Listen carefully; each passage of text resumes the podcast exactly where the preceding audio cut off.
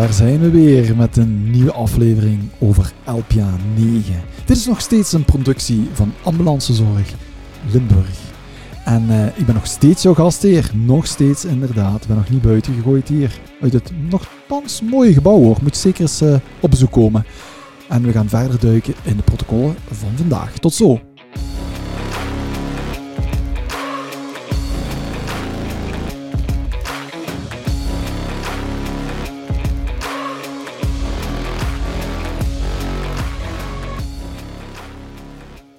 En in deze aflevering, getiteld Klaar voor de straat, gaan we natuurlijk jou nog verder klaarstomen voor die straat op basis van LPA 9. Nu, ik wil even terugkomen op de vorige afleveringen. En ik hoop dat je duidelijk gemerkt hebt dat die professie van de ambulance medewerker alleen maar toeneemt. Hè. Neem je als voorbeeld het, uh, het neurologisch onderzoek, waar we toch wel wat vragen van de ambulance-medewerker om daar nog meer houvast aan te geven, om een betere triage op straat te doen en een, een weloverwogen beslissing te nemen.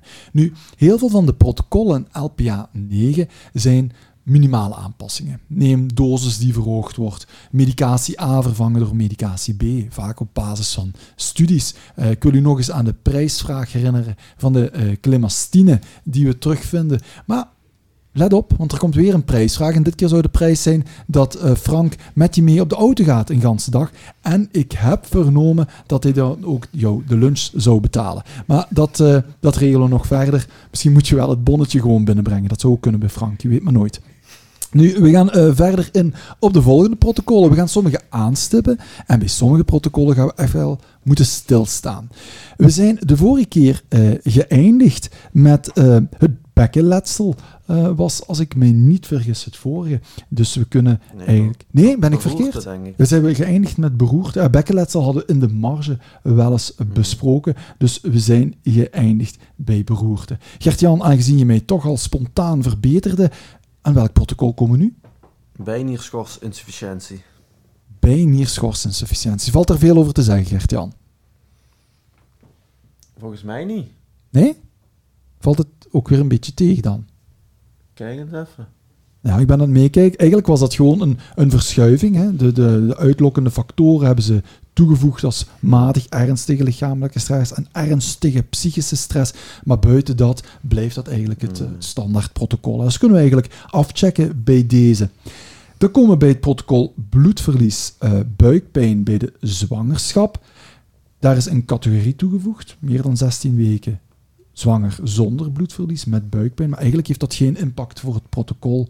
Dus daar kunnen we eigenlijk ook wel vrij kort over zijn. Dat mag ook eens, hè, dat het gemakkelijk gaat. Of niet? Frank, moet altijd moeilijk gaan, man. Zeker niet. Ah, voilà. Dus waarom zou je het moeilijk doen? Gaan we gewoon naar het volgende protocol.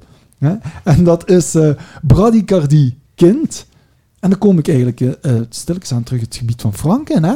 Ja. Uh, rond de cardiologie. Bradicardie kind, bradicardie volwassenen.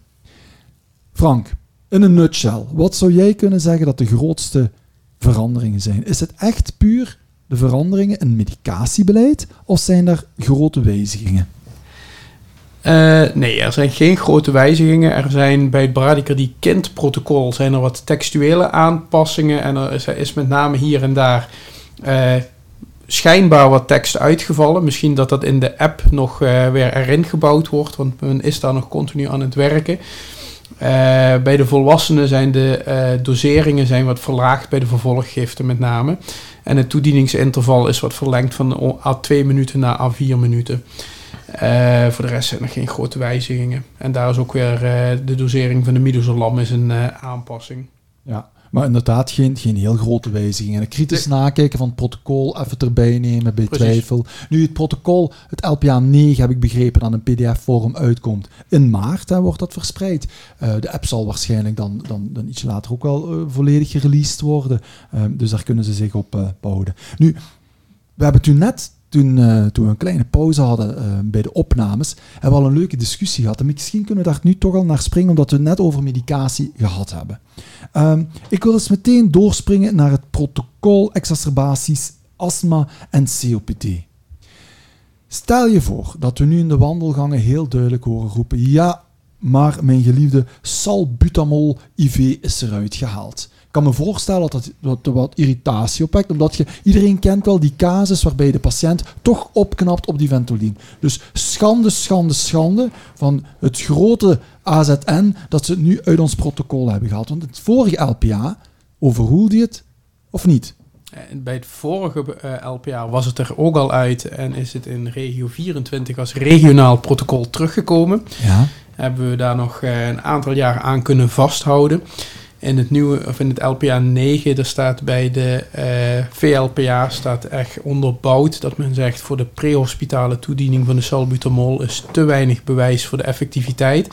En daarnaast is er wel eh, ja, is risico op complicaties en daarom zegt men eh, is het bewust niet opgenomen in het protocol. En dat betekent dus ook dat wij die lijn volgen en dat de salbutamol IV ook als regionaal protocol komt te vervallen. Dus dan komen we eigenlijk in het laatje met wat we net hebben besproken, met, met verandering van medicatietypes en, en dosages. Het is, het is altijd wel, de, mag erop vertrouwen, het is onderbouwd. En als AZN effectief zegt, het is zelfs afgeraden. Je kunt dat niet landelijk gaan overhoelen. Hè? Nee. Nee, oké, dus daar gaan we ons gewoon in moeten vinden. Je, je moogt daar eens over vloeken, je moogt eens tegen een vuilbak stampen daarvoor, maar weet gewoon, ja, het is, het, is, het is regel. Als ze daarover gaan, zijn ze dan ook van het protocol serieus aan het afwijken. Maar kunnen ze niet, hè? Ze hebben het niet bij, hè? Nee. Verschoonde. In de auto, Dus Ja, Hetgeen wat in het protocol wel is toegevoegd, ehm, wat we eigenlijk ook al een opening voor gelaten hadden, is, COP, is eh, CPAP bij eh, COPD. ah ja. En dat staat er nu expliciet ook wel eh, in benoemd. Ah, dus, dus, dus het is niet dat we met niks op straat gaan dan natuurlijk, hè? Oké, maar ja, soms zullen we inderdaad vanuit de nieuwe inzichten nationaal onze, onze kop erbij moeten leggen, eh, omdat dat dan eh, wel geprotocoleerd is natuurlijk, maar eh, zeker geen probleem. Eh bradicardie, Frank, hebben we het allemaal gehad dan, hè? Ehm, dan kunnen we gaan ehm, naar brandwonden. Grote wijzigingen? Niet medisch inhoudelijk, alleen dat het van belang is dat er een eh, nieuw telefoonnummer is. Waarbij ik even niet weet of die vanuit de app rechtstreeks door te kiezen is om te bellen. ja, wij kunnen vanuit, eh, dat is ook wat ik in de vorige podcast zei, we kunnen alle telefoonnummers kunnen we pushen in de app. En daarbij kunnen we ook een hyperlink plaatsen. Dus op het moment dat wij ehm, in de app als een hyperlink plaatsen, kun je gewoon op het telefoonnummer klikken en dan eh, kun je door eh, verbonden worden. Oh, mooi, mooi. En wanneer gebruik je dan een telefoonnummer in dat protocol? Momenten van naar doorverwijzing? Of... eh ah, die zijn we even aan het zoeken, hè? dus we gaan het inderdaad, het telefoonnummer... ehm eh, onthoud dus, dus belangrijke telefoonnummers die komen in jouw protocol die specifiek zijn. Dat zullen PC-centra's zijn, eventueel eh eh, brandwonden, triage en noem maar wat op. Maar weet dus dat je in je app kan doorlinken naar jouw eh, telefoonnummer, zodat je ook rechtstreeks allemaal toegang hebt. Dus eigenlijk mag ik dan zeggen dat, dat de aparte lijstjes van daar heb ik een appje voor de telefoon, daar heb ik een appje voor de protocollen, dat is nu allemaal mooi geïntegreerd in die LPA 9-app. Klopt dat, Francisco? Ja, dat klopt. Weet je, en wat, wat, wat ik zelf heel fijn vind in de protocollen-app, met name als we kijken naar de brandwonden, eh, en je zoekt verder eh, in je protocol, eh, dan staan er dus ook hyperlinks bij. Dus als er gesproken wordt over een, eh, een bepaalde graad van eh, verbranding, kun je gewoon op de link klikken. En dan eh, krijg je een reminder daarin. Ah, leuk. Oké. En eh, om ja, Ko- Koen overvalt ons door eh, van, van het ene protocol naar het andere. En wij zijn eh, heel druk mee aan het scrollen op de schermen. Flexibel zijn, Frank, flexibel. Ja, ja, ja. dat is al vaak tegen me gezegd. Nee, het, het specifiek telefoonnummer dat veranderd is en wat wel een belangrijke kan zijn in verschillende settings op het werk, dat is voor het, eh, Nederlandse Vergiftigingen Informatiecentrum. En dat is niet voor eh, de standaard brandwond, maar wel als je bijvoorbeeld een eh, bedrijfsspecifieke ja, exposures kunt hebben. Waarbij bijvoorbeeld brandwonden op basis van chemicaliën en dergelijke kunnen optreden. Eh dan kun je contact op, en als er geen specifieke protocollen lokaal aanwezig zijn, kun je contact opnemen met het eh, vergiftigingencentrum. En Ja. zij kunnen je dan eh, advies geven. Dat nummer is gewijzigd. Maar dan komen we inderdaad weer terug. Eigenlijk moeten ze dat niet allemaal in hun hoofd steken. Het staat in die Zeker app, niet. Ja, ja, ja. Dus dat is inderdaad weer het voordeel van die LPA 9-app. Ehm, we zullen dan de, de volgorde bijhouden, Frank, zodat ik niet van hot naar haar... niet van het padje raak. En dan zit ik volgens mij bij A Brief Result Unexplained Event. Eh, wie, ja, wie dat ooit heeft uitgevonden, die afkorting, eh, die kunnen ze afknallen. Ja, de breu. De breu. Dat Maar- was van tevoren de alte. Ja? Ja. Maar verandert er dan veel buiten de... De alt is de breu. Nee, er zijn wat eh, kleine criteria aanpassingen, maar inhoudelijk is het vrijwel conform. Eh, leeftijd van 0 tot 2 is aangepast dan eh, jonger dan 1. Zijn de eh, criteria zijn wat uitgebreider beschreven, maar inhoudelijk zijn er weinig verschillen. Oké. Maar net zoals de Mo- dat de Mona weg is, is de Alta weg en hebben we nu de Breu. Ah, de breu. Klinkt Zweeds. Weet je waarom de naam ook veranderd is? Nee. Oeh. Omdat apparently life-threatening event gaf aan de ouders al ehm, de connotatie van er is wat levensbedreigend geweest. Terwijl dat er, ja, ik geloof in 70% van de gevallen bij zo'n brew eigenlijk wel een, een duidelijke oorzaak gevonden wordt, reflux of toch ergens een, eh, een infectie die speelt. En eigenlijk helemaal niks levensbedreigend. Dus is met name naar de ouders toe dat je niet moet zeggen van ja, er is een schijnbaar levensbedreigend event geweest, dan dat je nu kunt zeggen van er is iets ja, wat we nog niet kunnen verklaren, wat heel snel opgelost was, heeft een hele andere connotatie. Dat zat mee in de verandering van de benaming. Ah, dat is wel mooi bedacht dan. Ja. Ja, oké. Dat, dat vind ik wel een, een upscale, om het En zo in, te in zeggen. lijn met kindergeneeskunde. 50% kind, 50% ouders. Ja. Allee, zeg, we komen hier nog achter dingen. Goed, oké. Ehm, nu we het dan toch over communicatie zijn, is het volgende communicatie-item. Ehm, wacht, ik ga wel eens heel even, want ik krijg hier ineens een heads-up van eh, Francisco. Francisco, jij wil nog iets delen over het protocol brandwonden? Nou, ik probeerde de link een beetje te maken met ehm, eh, de, de materialen die gaan wijzigen op de auto. We zijn eh, vanuit onze eigen regio's 23 en 24 bekend met middelen om brandwonden te kunnen koelen. Watergel is daar één van. Mhm. Eh, daar wordt specifiek in het protocol brandwonden over gesproken dat het gewoon gekoeld kan worden met lauw water. Eh, dat Ah. zijn best wel wat wijzigingen. Dus op het moment dat je die mist in de auto, is dat onder andere eh, een oorzaak. Ja, dat was volgens mij al iets langer. Dat er ook gewoon voorkeur was om gewoon te koelen hè, met lauw water. En we hadden de, de burn shields of de watergel op de auto ehm, voor als dat niet mogelijk was. Of eh, omwille van eh, praktische doeleinden. eh, je hebt gewoon geen water. Of het is in het gezicht, waarbij dat heel lastig is. Maar die blijven ook wel in de auto ehm, in beperkte mate. Alleen wordt er voor één van de twee ehm, ja, aanbieders gekozen. En ik weet ook niet meer welke het was. Ah, de Burn Shield. Maar die blijft er dus wel in. Ah ja, oké, maar, maar zoals Francisco terecht opmerkt, maar dat was dus inderdaad allemaal nog meer gespecifieerd. Ga zeker naar dat lauw water kijken, omdat ja, hoeft allemaal niet zo moeilijk te zijn, hè? Duitsland doet trouwens helemaal niet meer koelen, door de ambulance dienst. Die hebben daar helemaal mee gestopt. Eh, omdat het niet is aangetoond dat het überhaupt een snellere genezing Ja. bewerkstelligt. Eh, ik heb zelf ook eens contact gehad, omdat onze Nederlandse richtlijn ehm, voor brandwondenzorg, die is ook recent aangepast, maar daar hebben ze het wel, dus wel aangehouden. dus wie weet, in de toekomst gaat dat ook Wie nog weet. veranderen. Ja. Spannend. De, de wijsheid komt uit het oosten. Maar ook van belang. Lauw, lauw water. Ga niet onder een ijskoude kraan of met gekoeld water of iets dergelijks. Nee, het is eh, echt lauw, hè? Ja, oké. Oké, perfect. Ehm ja, nu waren we even teruggesprongen, dus ik moet Frank weer even bij de les nemen. Frank, we zitten bij, bij communicatie ondertussen.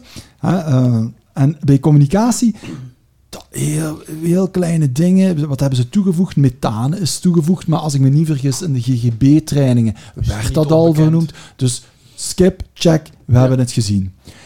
Ehm, ja, S-bar is S-bar geworden, ja, bla bla bla. In de categorie open deuren. Ja, dat hadden we wel zien aankomen. Convuls.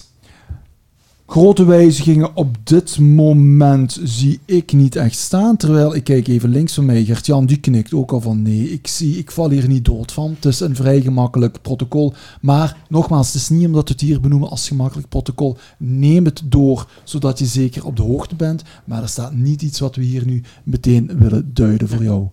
Hetzelfde als corpus alienum.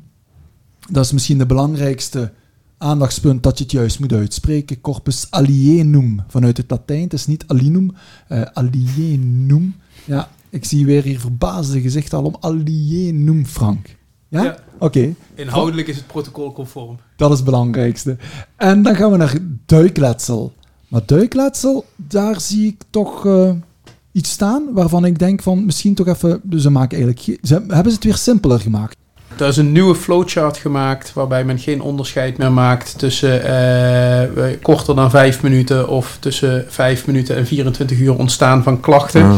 Dus in dat opzicht eh, is het inderdaad wel weer wat simpeler gemaakt. En eh, dat heeft natuurlijk altijd wel eh, de voorkeur. Heerlijk dat ze het alleen maar simpeler kunnen maken. Dus eh, dat is goed. Maar weer, bekijk het dat je ook die, die mist die je vroeger dan bij duikletsel werd gespoten, dat die, die even laat optrekken en dat je mee zit met het nieuwe protocol. Voor epiglottitis en astma zijn er ook weinig wijzigingen buiten wat we net al behandeld hebben met die salbutamol.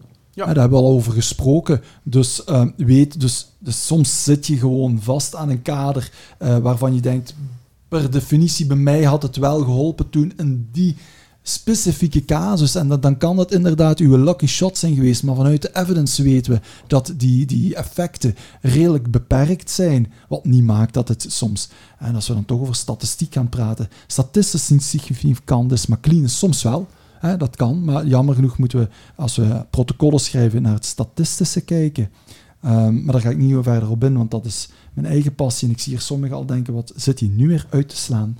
En dan gaan we naar het Excited Delirium Syndrome, EDS. Dat is een nieuwtje. Klopt?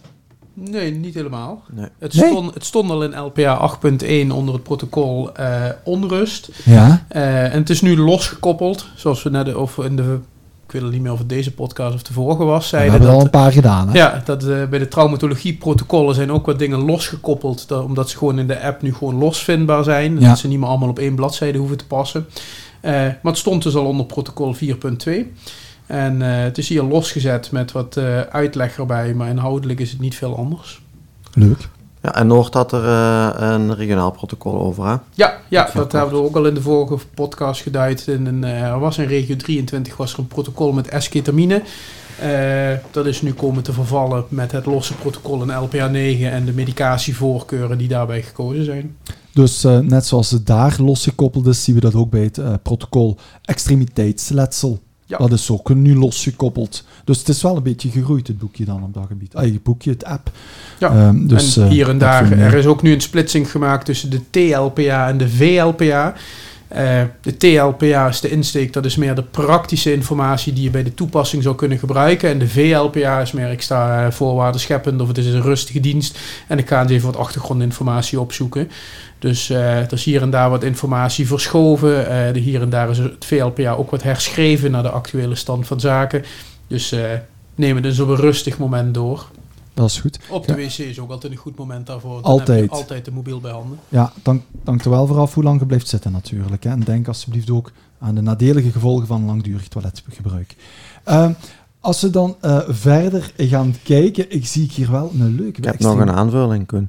Op het toiletbezoek of op de protocollen? Nee, op het extremiteitsletsel. Ja, tuurlijk, tuurlijk. Want eh, als je kijkt bij fractuurluxatie, is daar een nieuwtje bij gekomen. Namelijk de schouderluxatie. Ah ja, Vroeger werd die in theorie ehm, eh, niet gereponeerd op straat. Praktijk soms wel.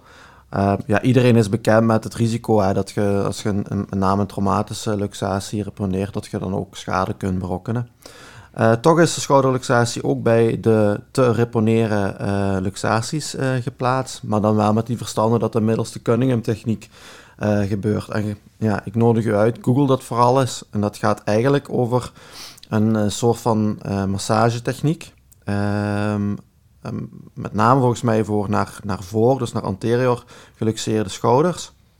Waarbij er lichte, lichte tractie wordt uitgeoefend op de elleboog, terwijl dat de hand van de patiënt op de schouder van de hulpverlener ligt. En dat er afwisselend, ehm, hoe noemt deze hier? Monnikskapspier noem ik die in het gewoon Nederlands. Eh, de biceps wordt gemasseerd en dat er eigenlijk ja, spierrelaxatie wordt ja, bekomen wilt worden. En dat je eigenlijk hoopt, of hoopt, eh, de bedoeling hebt dat de, dat de schouder er dan weer eh invloept, doordat die eh, spieren zich ontspannen. Ja, dat die tractie eigenlijk die, die veroorzaakt wordt onder andere door pijn, waardoor die, die, die schouder er langs blijft Ja. staan, die vermindert de spierspanning, waardoor je door die lichte tractie... En lichte tractie, als je het inderdaad bekijkt op Google, het is echt niet trekken. Het is het Nee. gewicht van je eigen, Eigen arm, arm, dat je gebruikt. Dus Het valt volgens mij onder de categorie hem er terug in praten. ja, dat, dat kan wel kloppen, ja. Hmm, Cunningham, trouwens, Australische arts had ik gegoogeld. weet ik niet meer. Ja, heb ik gegoogeld. Oké. Eh, ik vind- Dan viel moet wel- het waar zijn.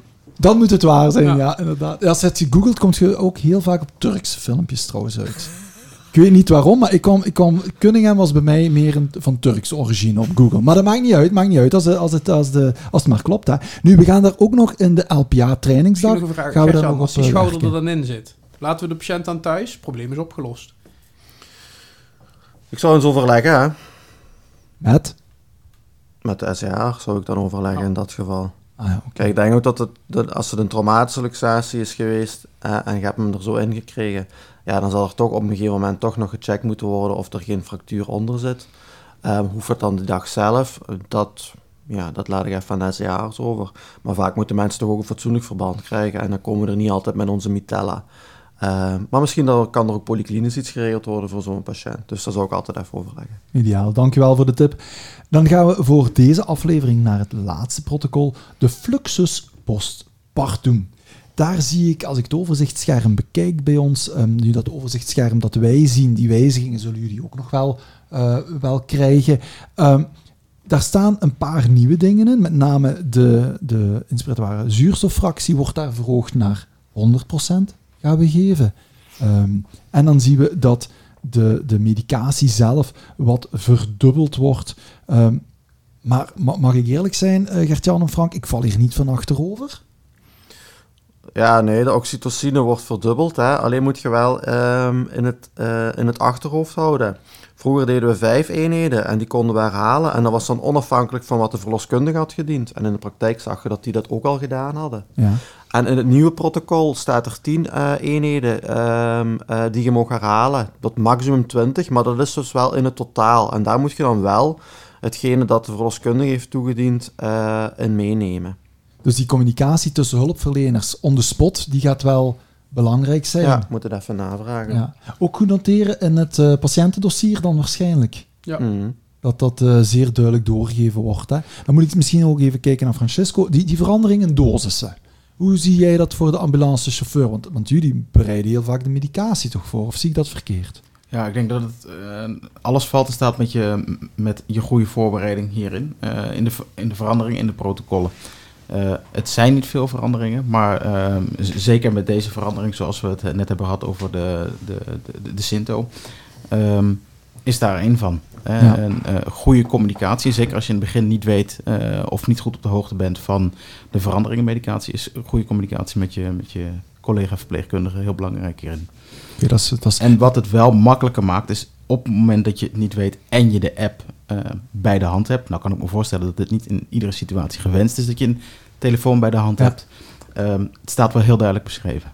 Ja, oké. Dus dan, dan houden we vast aan dat mantra van kijk goed naar die app, zorgen dat je erin mee bent, dat je er snel mee leert werken. Maar dat, dat hadden we al gezegd, dat, dat doet het wel en dat die communicatie zo goed is. Ja, en wees vooral op de hoogte. Ik denk Ja. dat je daarmee heel veel eh, voorkomt. Ja, En daarnaast zijn je gereedschappen in je gereedschapskist zijn ook nog uitgebreid. Want de tranexaminezuur is er eh, aan toegevoegd.